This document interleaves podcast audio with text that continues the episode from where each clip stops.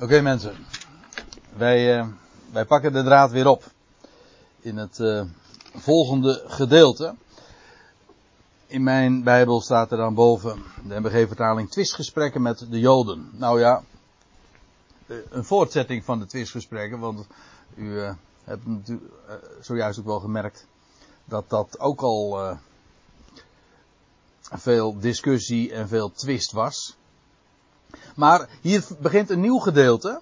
In het vorige gaande gedeelte waar we begonnen, vanaf vers 12 tot 20, uh, die pericoop heet dan in mijn Bijbel uh, het licht der wereld. En nu twistgesprekken met de Joden. Er staat in vers 21, hij, hij zei dan wederom tot hen, hier, dit is dus duidelijk een, weer een, een andere gelegenheid. Of het een andere tijdstip, een andere dag was, weet ik niet. Dat, maar in ieder geval, hij zei dan wederom tot hen, tot hen, dat zijn dus die fariseeën, want dat was het onderwerp in vers 13 lees je dan. Dus we mogen aannemen dat dat, uh, dat, dat hen daarop slaat. Uh, ik ga heen. Ik ga heen en jullie zullen mij zoeken. Hé, hey, opnieuw zeg ik, maar dat is niet de eerste keer vanavond dat ik dat uh, zeg. Die herkennen we. Want iets soortgelijks, of iets vrijwel identiek, had de Heer in hoofdstuk 7. Dus dat was uh, een van de dagen hieraan voorafgaand. Al uitgesproken. In vers 34 tot 36. En daar hebben we het toen ook over gehad. Maar laten we, laten we het nog eens lezen. Want uh, de Heer herhaalt dat. Uh, ik ga heen en jullie zullen mij zoeken. En dat is ook zo. Ik ga heen. Ja, ik zal sterven. Uh, ik zal worden begraven. Maar vervolgens zal dat graf leeg zijn en men heeft gezocht. En van Jezus is niets meer uh, gevonden. Jullie, uh, ik ga heen, jullie zullen mij zoeken. Maar het graf was leeg. En uh, ze zouden hem ook, ze zouden hem niet vinden. Uh, maar even doorlezen. En, en in jullie zonde, enkelvoud trouwens, zullen jullie sterven. Nou kun je hier natuurlijk uh, een stukje, of een, een stuk, uh, hoe zal ik dat zeggen, christelijke dogmatiek uh, tegenaan gooien. Maar ik denk dat bij zonde, zonde betekent doelmissen. En als hier staat, en in jullie zonde zullen jullie sterven, dat wil zeggen, jullie doel is de Messias vinden. Jullie zullen mij zoeken dan, maar in jullie zonde zullen jullie sterven. Waar, en feitelijk, de verklaring staat er meteen aan, waar ik heen ga, kunnen jullie niet komen. Nou, dat is doelmissen. Toch? Jullie zullen mij zoeken, met de bedoeling uiteraard te vinden. Maar waar jullie, jullie zoeken mij, maar jullie zullen me niet vinden. Want waar ik heen ga, daar kunnen jullie niet komen. En dat is precies wat zonde is. Doelmissen. En zo zullen jullie ook sterven. Jullie zullen mij ook niet vinden. Dit uh, maakt het, dit maakt zo'n uitspraak ook heel concreet. Vooral als je dan het woord zonde gewoon neemt zoals, zoals het, ja, wat de betekenis van het woord is. Het, uh, het mooiste voorbeeld daarvan, van het woord zonde, is uh, wanneer het een keertje anders vertaald wordt. Ja, die voorbeeld, dat voorbeeld wilde ik geven in Richter 19, of wat is het? Richter 21. Nou, blijf er even vanaf. Maar in ieder geval in het boek Richter, ergens achterin, daar staat van dat de Benjaminieten, die waren, dat is trouwens heel erg grappig, Benjamin betekent zoon van mijn rechterhand. Maar dat waren uh, linkshandige Benjaminieten. Maar die waren zo handig. Uh, die, waren, die konden een steen werpen, staat er, op een haar, zonder te missen. Maar letterlijk, er staat er in onze vertaling, in de MBG-vertaling, staat er zonder te missen. Of nee, ik moet eigenlijk dan met de linkerhand doen, zonder te missen. Maar er staat in het Hebreeuws, in de Statenvertaling staat het er uh, volgens mij ook gewoon onvertaald. Of in ieder geval gewoon concordant. Zonder te zondigen. Uh, wij denken bij zonde natuurlijk altijd aan uh, iets moreels. Weet je wel, een zonde wil zeggen dat dat fout is en veroordelenswaardig enzovoort. Maar dat, is, dat hoeft niet, de, de fundamentele gedachte bij zondigen is doel missen. Dat kan kwalijk zijn, dat kan ernstig zijn, dat kan vreselijk zijn. Maar de essentie van het woord zondigen betekent doel missen. De grap is trouwens, voor zover zoiets grappig is, in het Hebreeuws is dat zo, maar in het Grieks is dat ook zo. Het woord zonde betekent gewoon doel missen. De grap, eh, ook daarvan, dat vind ik wel weer grappig, want eh, bij ons in het godsdienstig spraakgebruik, daar verstaan wij onder zonde altijd iets wat fout is. Dan zie je meteen alweer die opgeheven vinger, vinger van dat mag niet. Terwijl in het profane, alledaagse, banale taalgebruik spreken wij over zonde. Wel in de betekenis van doelmis. Dan zeggen wij, zal het niet doen Ari, maar je laat hem vallen en dan zeg je, oh, wat zonde. Zonde. Daarmee bedoelen we niet dat het fout is dat je dat gedaan hebt, maar bedoel, dat is zonde van het kopje. Dat is namelijk niet de bedoeling. Hè, dat die, hè? Het, komt niet tot zijn doel. het komt niet tot zijn doel. Dat is wat het is. Ah, wat zonde. En juist in de niet-godsdienstige zin van het woord heeft het een correcte betekenis. Dan betekent het namelijk doelmissen. Dat is in het Hebreeuws en in het Grieks het geval. En daarom vind ik het eh, leuk als dan bijvoorbeeld in de MBG-vertaling staat van die Benjaminieten waar ik het zojuist over had. Ze konden een, een steen gooien tot op een haar zonder, zonder te missen. Letterlijk staat er zonder te zondigen. Nou, even terug. Hier. Wat is hun zonde? Nou, zij zoeken hem. Maar ze kunnen hem niet. Ze, maar waar hij heen gaat, daar kunnen ze niet komen. Nou, dat is toch wat doelmis is?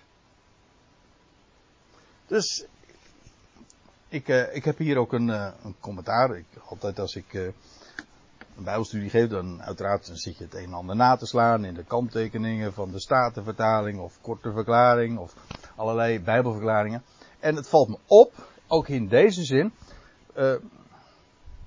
ja, het is dogmatiek wat men erop loslaat.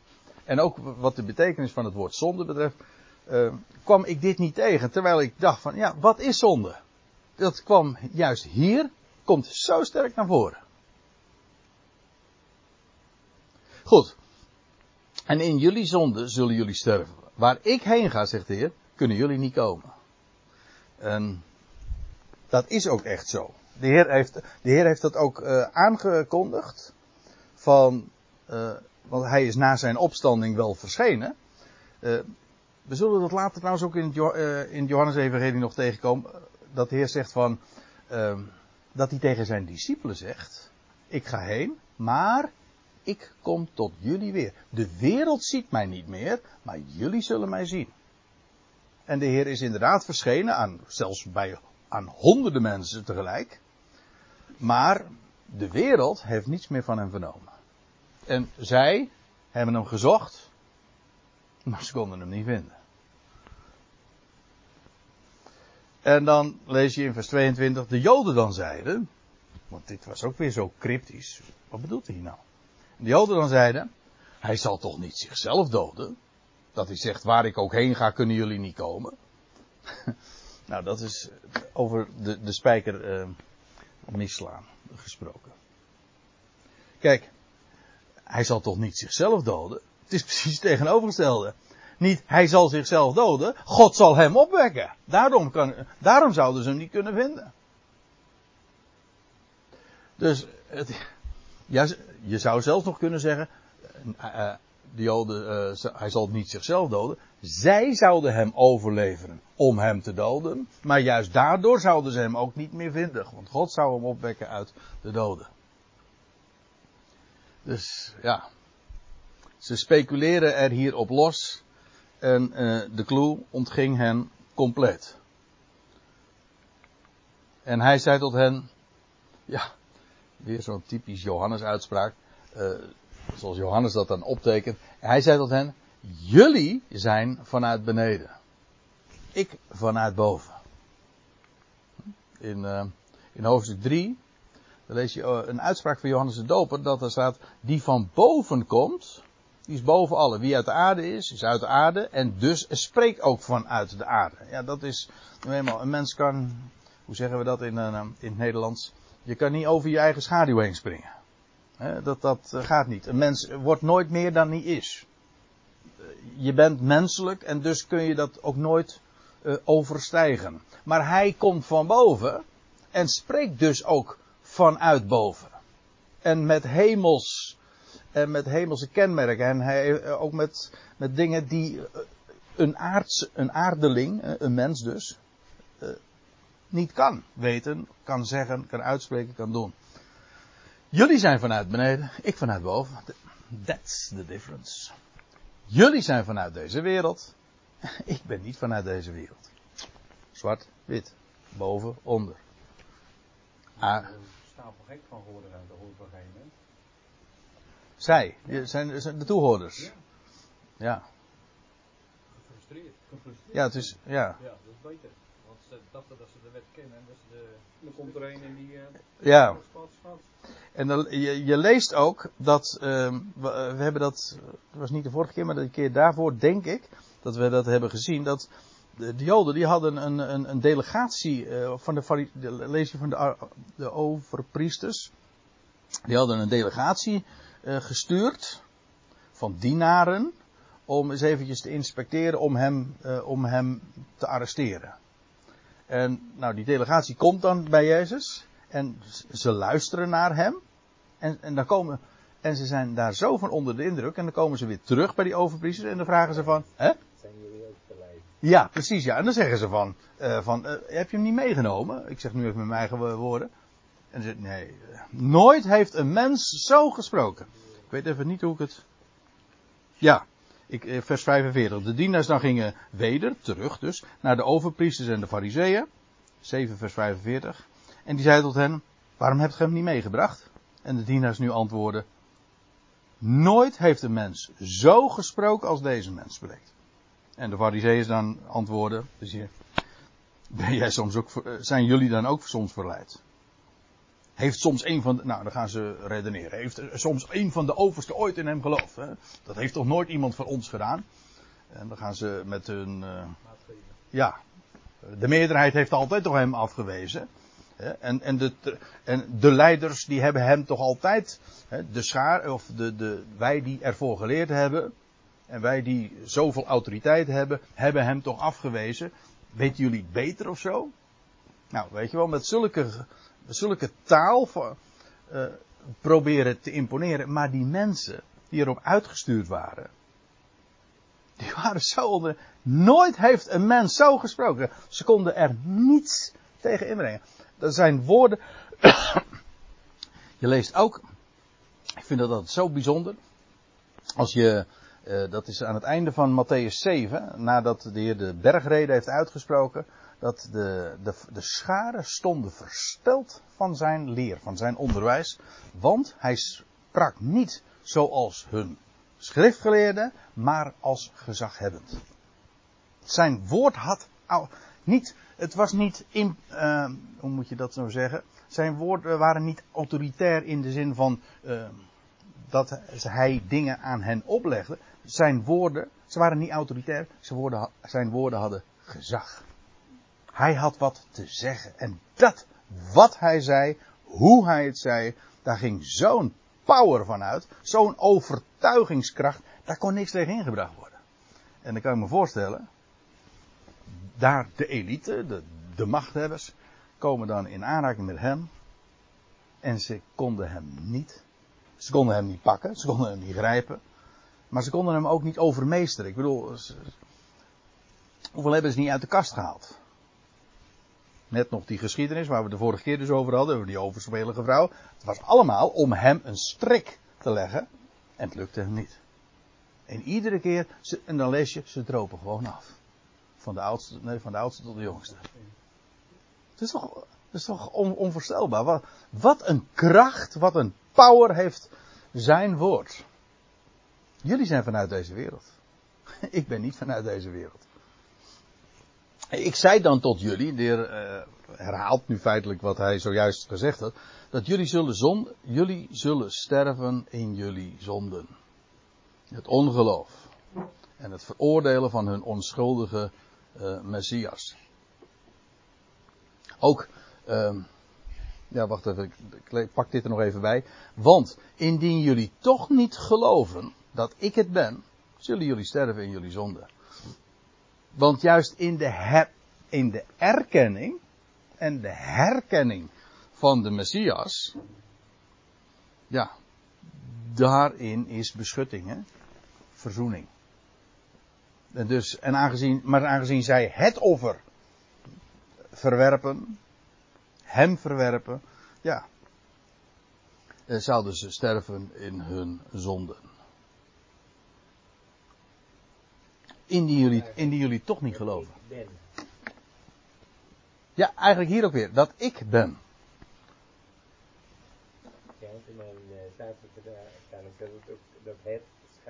Ja, in het het het Nederlands moet je het er eigenlijk bij zetten. Omdat je anders geen goede zin krijgt. Maar er staat gewoon dat ik ben. Ook hier klinkt weer de naam van God door.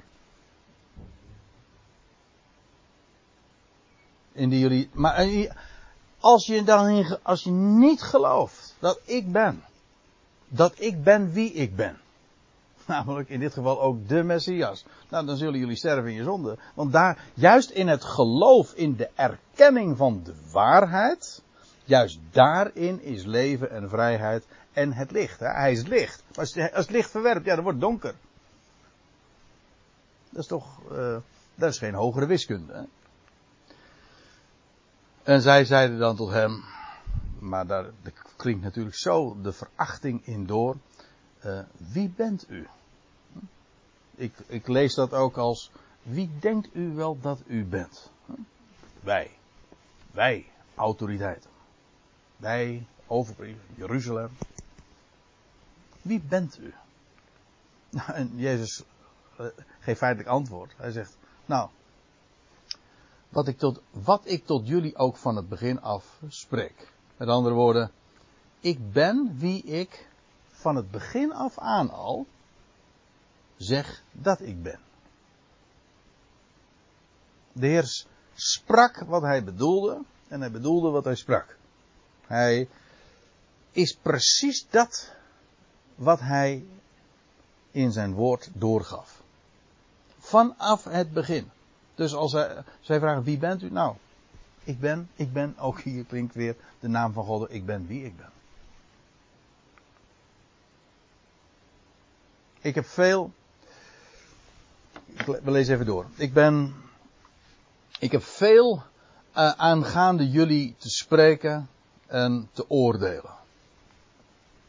Ook hier weer trouwens, ik let, let er weer even op. Uh, het staat allemaal in de tegenwoordige tijd. Uh, ik heb veel aangaande jullie te spreken en te oordelen in tegenwoordige tijd. Maar degene die mij zendt is waar. Dat wil zeggen, ik. Um, dat woordje maar ge, ge, drukt een tegenstelling uit. Het, het, het is wat moeilijk uh, als je het zo leest. Maar de Heer zegt: Ik heb veel over jullie te spreken. Genoeg op jullie aan te merken. Ook te oordelen. Maar degene die mij zendt is waar. Ik, uit het woordje maar blijkt: ik doe het niet. Ik oordeel niet. Nu. Het oordeel is mij gegeven, maar dat is nu niet wat ik doe. Wat ik wel doe, dat is niet oordelen en spreken over jullie, maar ik spreek van degene die mij zendt. En die is waar. En de dingen die ik bij hem hoor, deze dingen spreek ik tot de wereld. Eigenlijk is het een, een machtig uh, voorbeeld. Uh, van het woord wat, we, wat, ons, ook, ook ons is toevertrouwd. Niet om te oordelen, maar wij, zijn, wij spreken niet over mensen, maar over wie hij is. De dingen die we bij hem horen, die vanuit zijn mond, hoe is het ook alweer? Een mens zal leven van alle woord, de mond gods uitgaat. En deze dingen, die, die we van hem vernemen, die, daarvan zegt de Heer Jezus hier, die spreek ik tot de wereld. Zij onderkenden niet dat hij van de Vader sprak. moet er eventjes op wijzen, of als je dit niet uh, uh, pakt, deze verklarende zin, moet eventjes bedenken, vanaf vers 21 hebben we weer een nieuw gedeelte. Het was weer een nieuw gesprek. Tot uh, vanaf vers 21 heeft de Heer Jezus niet gezegd wie hem gezonden heeft. Hij, hij, spreekt over degene die mij gezonden heeft, maar wie dat was, dat wordt hier niet naar voren gebracht. En zijn luisteraars hebben dat ook niet onderkend. Daar staat er ook, zij onderkenden niet of zij hadden niet begrepen, hoe staat het in de MBG-vertaling? Ze wisten niet uh, dat hij van de Vader sprak.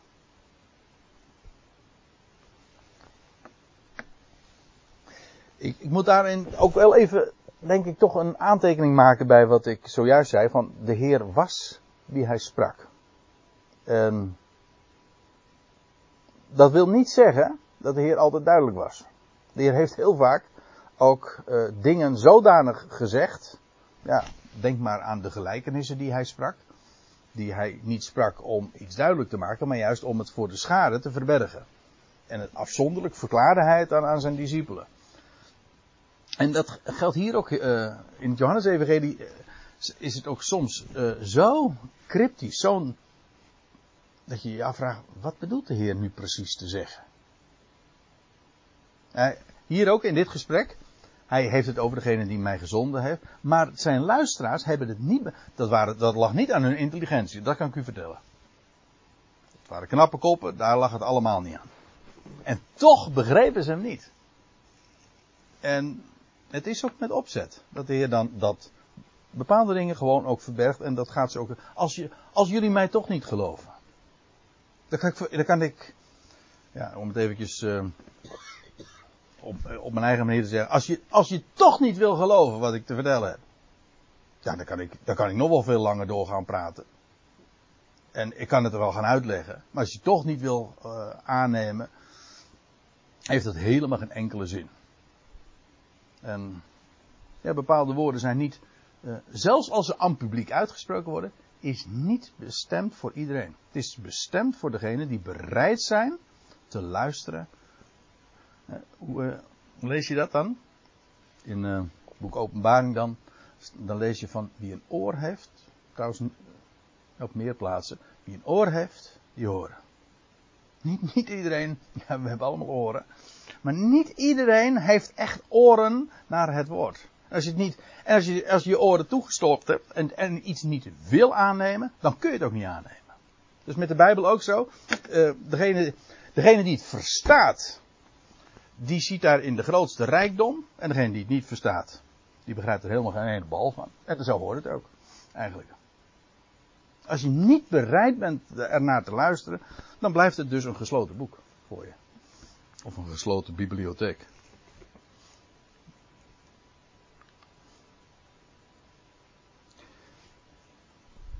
Nou, laten we dit, deze passage nog even. We zijn vanavond denk ik vroeg. Nou ja, we zijn er nog niet helemaal, maar.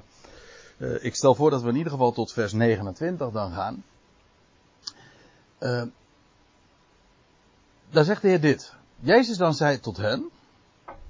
Wanneer jullie de zoon van de mens, de zoon des mensen, de ben A, eigenlijk het staat in het enkelvoud hè. Het is niet de zoon van de mensen, maar de zoon van de mens, enkelvoud. De ben Adam in het Hebreeuws. De zoon, de erfgenaam van Adam. Wanneer jullie de zoon van de mens zouden verhogen, dan zullen jullie weten dat ik het ben en niets van mezelf doe, maar dat ik deze dingen spreek zoals de Vader mij onderwijst. Weer zo'n lastige tekst. Lastige tekst. Want uh, ik weet niet hoe u het hebt, maar uh, ik, en ik heb het ook in uh, diverse verklaringen zo gelezen. Als de Heer spreekt over verhogen, dan leest men dat meestal als de kruisiging. En bij, eh, bij, een andere gelegenheid hebben we het al eens een keer over gehad. Dat als er gesproken wordt over de verhoging van de zoon van de mens. Dat is iets wat God heeft gedaan. Dus niet het kruis. Eigenlijk het kruis is zijn uiterste vernedering. Hij heeft zich vernederd, is gehoorzaam geworden en heeft zich vernederd tot de dood. Ja, tot de dood van het kruis. Daarom heeft God hem ook uitermate verhoogd. Dus zijn kruis is niet zijn verhoging, maar is zijn uiterste vernedering. En na zijn vernedering werd hij verhoogd, namelijk opgewekt uit de doden en heeft een naam uh, ontvangen boven alle naam. Ja. Ja, ja, precies. Ja, ja, ja maar, maar dan kom je op een ander punt. Want ik vind, als je het leest, op zich zit er een logica in. Als je zegt van, wanneer jullie de zoon van de mens zouden verhogen. Nou, dan zeg je van, aha. Maar eh, het gaat hier niet over dat God hem verhoogt. De mensen verhogen hem. En dat is natuurlijk aan het kruis geweest, want ja, dat is een, uh, fysiek gezien, een verhoging. Zou je kunnen denken, maar, ja, nou, ik zit op iets anders. Want als de Heer zegt, Jezus dan zei wanneer jullie de Zoon van de Mens zouden verhogen, zouden verhogen, dan zullen jullie weten dat ik het ben en niets van mijzelf doe, maar dat ik deze dingen spreek zoals de Vader mij onderwijst. Maar dat, dat wijst erop dat op het moment dat zij hem zouden verhogen, dus aan het kruis zouden slaan, dat ze, dat ze weten dat hij inderdaad de zoon is en dat hij uh, van zijn vader getuigt. Dat is, dat is niet logisch natuurlijk. Dat is niet logisch. Toch? Juist, ze, hun, als, als ze hem aan het kruis slaan, dan doen zij dat juist uit ongeloof. En dan zeggen ze van, uh, kom af van dat kruis. Hè? En dat, dus, hè? Indien gij God zoon zijt, eh, kom af van dat kruis. En weet je wel, die spot. Het is helemaal niet zo dat op het moment dat zij hem aan het kruis slaan, dat zij tot dit inzicht komen. Dus ik ben daarin eh, gedoken en ik kwam er eigenlijk al heel snel achter.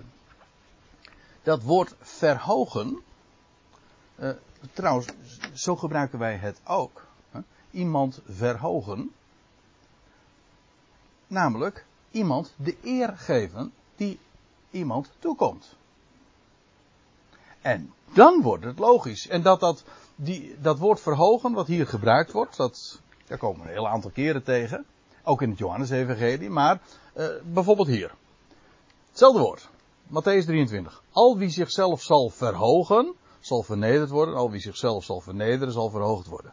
Gaat het hier over een letterlijke verhoging? Nee, natuurlijk niet.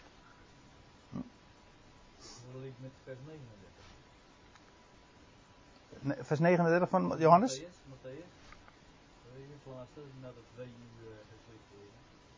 Want er staat er, want uh, ik zeg het, tot nu, uh, van nu aan niet zien, totdat gij, gij zeggen zult, gezegend zij die komt in de naam des Heren. Dat is die acceptatie. Dan weer wel, ja. Maar hier wordt gezegd van wanneer jullie de zoon van, dus op het moment dat jullie mij, uh, dat de zoon van de mens verhoogd wordt, dan weten jullie uh, dat ik het ben en dat, dat, ik, dat, dat ik de dingen spreek die ik van mijn vader heb onderwezen gekregen. In, uh, en hier ook, wie zichzelf zal verhogen, zal vernederd worden. En wie zichzelf zal vernederen, zal verhoogd worden. 1 Petrus, vernedert u onder de machtige hand van God, opdat hij u verhogen te zijner tijd. Kijk, dat verhogen, dat heeft te maken met de credits geven eh, die iemand toekomen. Die, die iemand toekomt. En als ik het zo lees, begrijp ik het wel meteen. Wanneer, wanneer jullie de zoon van de mens, de Ben Adam, zouden verhogen, hem zouden erkennen en hem de credits zouden geven, de eer zouden geven die hem toekomt, dan zullen jullie weten dat ik het ben en niets van mijzelf doe. Maar dat ik deze dingen spreek zoals de Vader mij onderwijst. Dat wil zeggen, als jullie mij verhogen, dan zullen jullie ook verstaan wie ik ben en begrijpen wat ik gesproken heb. En dan betekent dat verhogen dus helemaal niet hem aan het kruis slaan. Integendeel, het is juist tot erkenning komen van wie hij is. Dan wordt deze zin logisch, anders begrijp ik eerlijk gezegd niks van. Uh, ik, ik, ik, beweer niet wat, wat ik hier zeg. Ik bedoel, ik geef door wat ik, zoals ik het versta.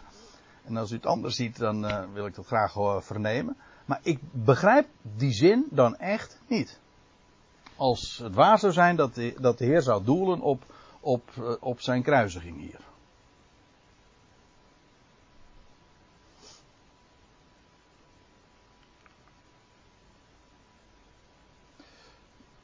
En dan ik eh, lees nog eventjes eh, het laatste vers ook van, dit, eh, van deze pericoop. En, zegt de Heer Jezus erbij, daar zit trouwens ook nogal wat in hoor. Dege, degene die mij zendt, die is met mij. Hij laat mij niet alleen. Want ik doe altijd wat hem behaagt. Ja, wie kan dat nou zeggen? Maar ook hij laat mij niet alleen. In uh, hoofdstuk 16, vers 32, die ik wil er even bijlezen. Nee, ik heb hem hier niet meer. In hoofdstuk 16, vers 32, dat is in de nacht dat de Heer werd overgeleverd. Dan lees je. Zie, de uren komt en is gekomen dat jullie verstrooid worden. Hij spreekt hier in de opperzaal tot zijn discipelen. Dat jullie verstrooid worden en ieder naar, zijn, naar het zijne en mij alleen laat. En dan zegt hij erbij, en toch ben ik niet alleen. Want de Vader is met mij. Dus jullie zullen mij verlaten, maar de Vader niet. Waarna je natuurlijk een heel andere vraag uh, uh, zich opdringt. Uh, was het dan niet zo dat de Heer Jezus aan het kruis liep: Mijn God, mijn God, waartoe ge mij verlaten hebt? Ja, zei. Juist, ja, het was mijn God. En God luister, God was bij hem. God heeft zijn zoon overgegeven aan zijn vijanden. Maar niet omdat de vader hem uh, had verlaten in de zin van dat hij niet bij zijn God was. De Heer had het woord van God, ook daar op het kruis, op zijn lippen. Hij sprak tot hem. En de vader, en uh, de Heer Jezus zegt ook van, uh, ik roep desdaags en gij antwoordt niet desnachts en ik, ja, zoiets, ja. Maar, nu komt de vraag, heeft de Heer niet geantwoord? Lees maar verder in, Johannes, in het Psalm 22, daar staat dan uiteindelijk, maar dat is op de derde dag, gij hebt mij geantwoord. Het antwoord kwam wel. Alleen niet daar aan het kruis. Maar de Heer, zijn God, hoorde hem. En je leest in, in de Hebreeënbrief ook. Hij is verhoord uit zijn gebeden. En God heeft hem geantwoord. Alleen op Gods tijd, namelijk op die derde dag. Ik vind het heel bijzonder dat de Heer zegt van. Hij laat mij niet alleen. In de absolute zin wist hij, mijn vader is met mij. Want ik doe altijd wat hem behaagt. Ja, daarmee. Uh, ik weet wel, het, het, uh, ook daarvan, maar dat is ook weer een dogmatisch inzicht dat men dan zegt van ja, Jezus hing daar aan het kruis en toen werd hij, uh, en toen werd hij beladen met de zonde en toen moest God hem straffen en moest God zich afwenden van hem. En altijd met het idee van dat, dat God hem op het kruis strafte en dan in de zin van plaatsvervangen, zodat ik uh, mijn zonden, de zonden van. God van God verlaten. Ja, precies ja. In die zin dus dat God uh, boos op, uh, zo zegt men dat ook, dat Gods toorn hem trof. En ja. En dan ik ging vroeger naar professor Hooikaast. En hij vormde professor Dr. Hooikaast. En die zei, wat een dwaasheid.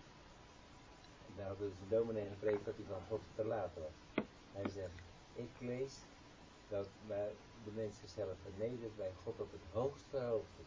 Hij zegt, God had daar zijn zoon het allerliefst. Omdat hij zich daar zo vernedert. Vernederd heeft. Eigenlijk dus, precies wat we net lazen. Uh, hier. Dat hij heeft hier zich vernederd. En God verhoogde hem juist. Dat was geen, geen boosheid of toorn van God. Nee, juist niet. Nee. Er stond trouwens, uh, laten we even eerlijk zijn voordat we nou uh, uh, lelijke dingen over de kerk en zo gaan zeggen. Er stond in de EO-gids laatst een artikel van. ehm, van wie was het nou? Ja, van een jongen van, uh, van Vlaardingenbroek uit, uh, uit Den Haag. En die schreef, hij was op. Uh, ik geef het even vrij, eventjes weer op de manier zoals ik het menu weer voor de geest kom. Kreeg het opgestuurd van iemand en ik vond prachtig. Hij was namelijk in, hij vertelde, ik was in, in Schotland en dus keek naar een schilderij dat de Heer Jezus aan het kruis hing. En, eh, nou ja, die jongen van Vlaardingenbroek die vertelde van ja, hij kwam in gesprek met iemand die hem zomaar aansprak. En toen zei, toen zei hij tegen die man, die schot, eh, die hem aansprak van, eh, ja, daar eh, hing hij, want eh, God eh, heeft zijn toren toen over zijn zoon uitgegoten. Nee, die, die schot die hier incognito, hij wist helemaal niet wie dat was, maar die zei, nee, dat was, zo is het niet. Het is precies omgekeerd. Het is niet de toren van God, het is de toren van de wereld die hem trof. En hij heeft zich vernederd, hij heeft zich overgegeven. Dus precies omgekeerd. Het is precies omgekeerd. En ja, toen vertelde die Vlaardingbroek en eh, in zo'n kort gesprek dat hij toen had met die Schotse man, die vervolgens dan weer wegging, zonder dus die wist met wie die van doen had. eh, hij zegt, die had mij een les geleerd. Eh, ik, hij zegt, een hele, mijn hele dogmatiek, eh, die, die, die kwam zomaar in verval en daar bleef niks van over. Maar hij liet gewoon het woord spreken. Geweldig. Dat hele idee van, ja, Gods toorn kwam over de Heer Jezus. En, maar dat is helemaal niet zo. Het kruis is niet. Want dat is wat men dan ook zegt, hè, van, ja, God moest verzoend worden. Nee, God moest niet verzoend worden. De wereld was vijandig. En God verzoent door het kruis juist ons met zich. Niet God hoefde verzoend te worden, zo van zijn toorn moest gestild worden en dat, en dat kwam dan allemaal terecht bij zijn zoon. Nee, het is, dat is een omkering. Calvijn, hè. Ja, dat, ja, niet alleen Calvijn, maar dat is. het ook gemaakt door de stellen van eh, dat de mens een vijand is geworden. Ja, ja, ja. Ja, maar dan zie je hoe, hoe daarmee dus ook eigenlijk de essentie, het, ongeveer het hart van het, van het geloof van het evangelie, het kruis van Golgotha, precies tegen een draads wordt uitgelegd. Waarbij God een vijand wordt van de mens en die zijn vijandschap, zijn toren, uitgiet over zijn zoon zo, als een soort bliksemafleider, zodat hij nu naar ons toe zijn genade kan betonen. Zou de katholieken ook die kant op denken? Ja, want ik weet dat, eh, ik heb nog niet zo lang geleden daar een, een- nog weer een artikel ook weer over gelezen van die Anselmus van Canterbury. Die heeft dat allemaal, dat was in, ergens in de middeleeuwen, de 11e, 12e eeuw. Die heeft het allemaal zo vastgelegd, ook dat dat, ja, heel juridisch allemaal, weet je wel, eh, zo van, eh, God kon niet vergeven. Eerst, God kon niet, Dat was ook Calvijn natuurlijk. hè? dat was ook al fijn, ja. Hij moest, hij kon niet, kan, God kan niet zomaar vergeven. Nee, dat moet betaald worden. Ook het kruis dus is een schuldbetaling. Maar- Nee. Ja, Ja, het is vrijkopen. Maar als er dus een schuldbetaling is. Al stel je voor dat de Heer Jezus op het kruis de schuld betaald zou hebben. Ik weet het, het wordt allemaal omgezogen, verteld en uitgelegd. Maar als het de schuldbetaling is. Hè? Er geen verzekering meer plaats te vinden. Ik hoor ook. Nou, het is toch wel heel wel. Als de meeste mensen zeggen, oh, als we, ja, daar werd mijn schuld betaald. Je In liederen wordt het bij altijd de zo. bank en dan eh, eh, kom je bij de bank en dan kom je je schuld inlossen, zeg maar. Ja, Dat, dat wil je dan. En dan zeg je, nee, dat is al door een ander voor je gedaan. En dan, eh, ja, dan hoef je ook niet meer om vergeving te vragen. Want D- in feite komt het erop neer, als de schuld betaald is, dan hoeft, dan hoeft God niks meer te vergeven, want de schuld is betaald. Ja. Dus, hoezo, dus de hele vergeving komt feitelijk daarmee ook op eh, losse schroeven te staan. Ja. heel duidelijke tekst in. Heb Jacob vrijgekocht van die die sterker was dan hij. Ja, Daar, heeft hij ons van vrij. ja. Is een vrijkoping dus. Ja, ja. Een, een, los, een losprijs. Een losprijs. Eh. Ja. Nou ja, daar kom je zo allemaal op als je dit eventjes wat doordenkt. Het, gaat, het voert eigenlijk te ver, want het is, het is niet precies wat hier eh, dan naar voren gebracht wordt. Maar de Heer spreekt hier wel van de Vader, hm, degene die mij zendt, die laat mij niet alleen. Want ik doe altijd wat hem behaagt. En dat is altijd zo geweest, ook op het kruis. Moet een beetje denken aan het begin eh, Genesis, dat, dat God alles door het woord Schiep. schiep. Dan denk je, ja, Ja. dat kan hij dan toch ook niet loslaten? Dat is zo, ja, verkeerd woord, Ja. dat is zo'n twee-eenheid, maar dat, Nee, maar Dat dat moet niet doen. werkt eenheid. ja, Ja, dat is eenheid. Ja. eenheid.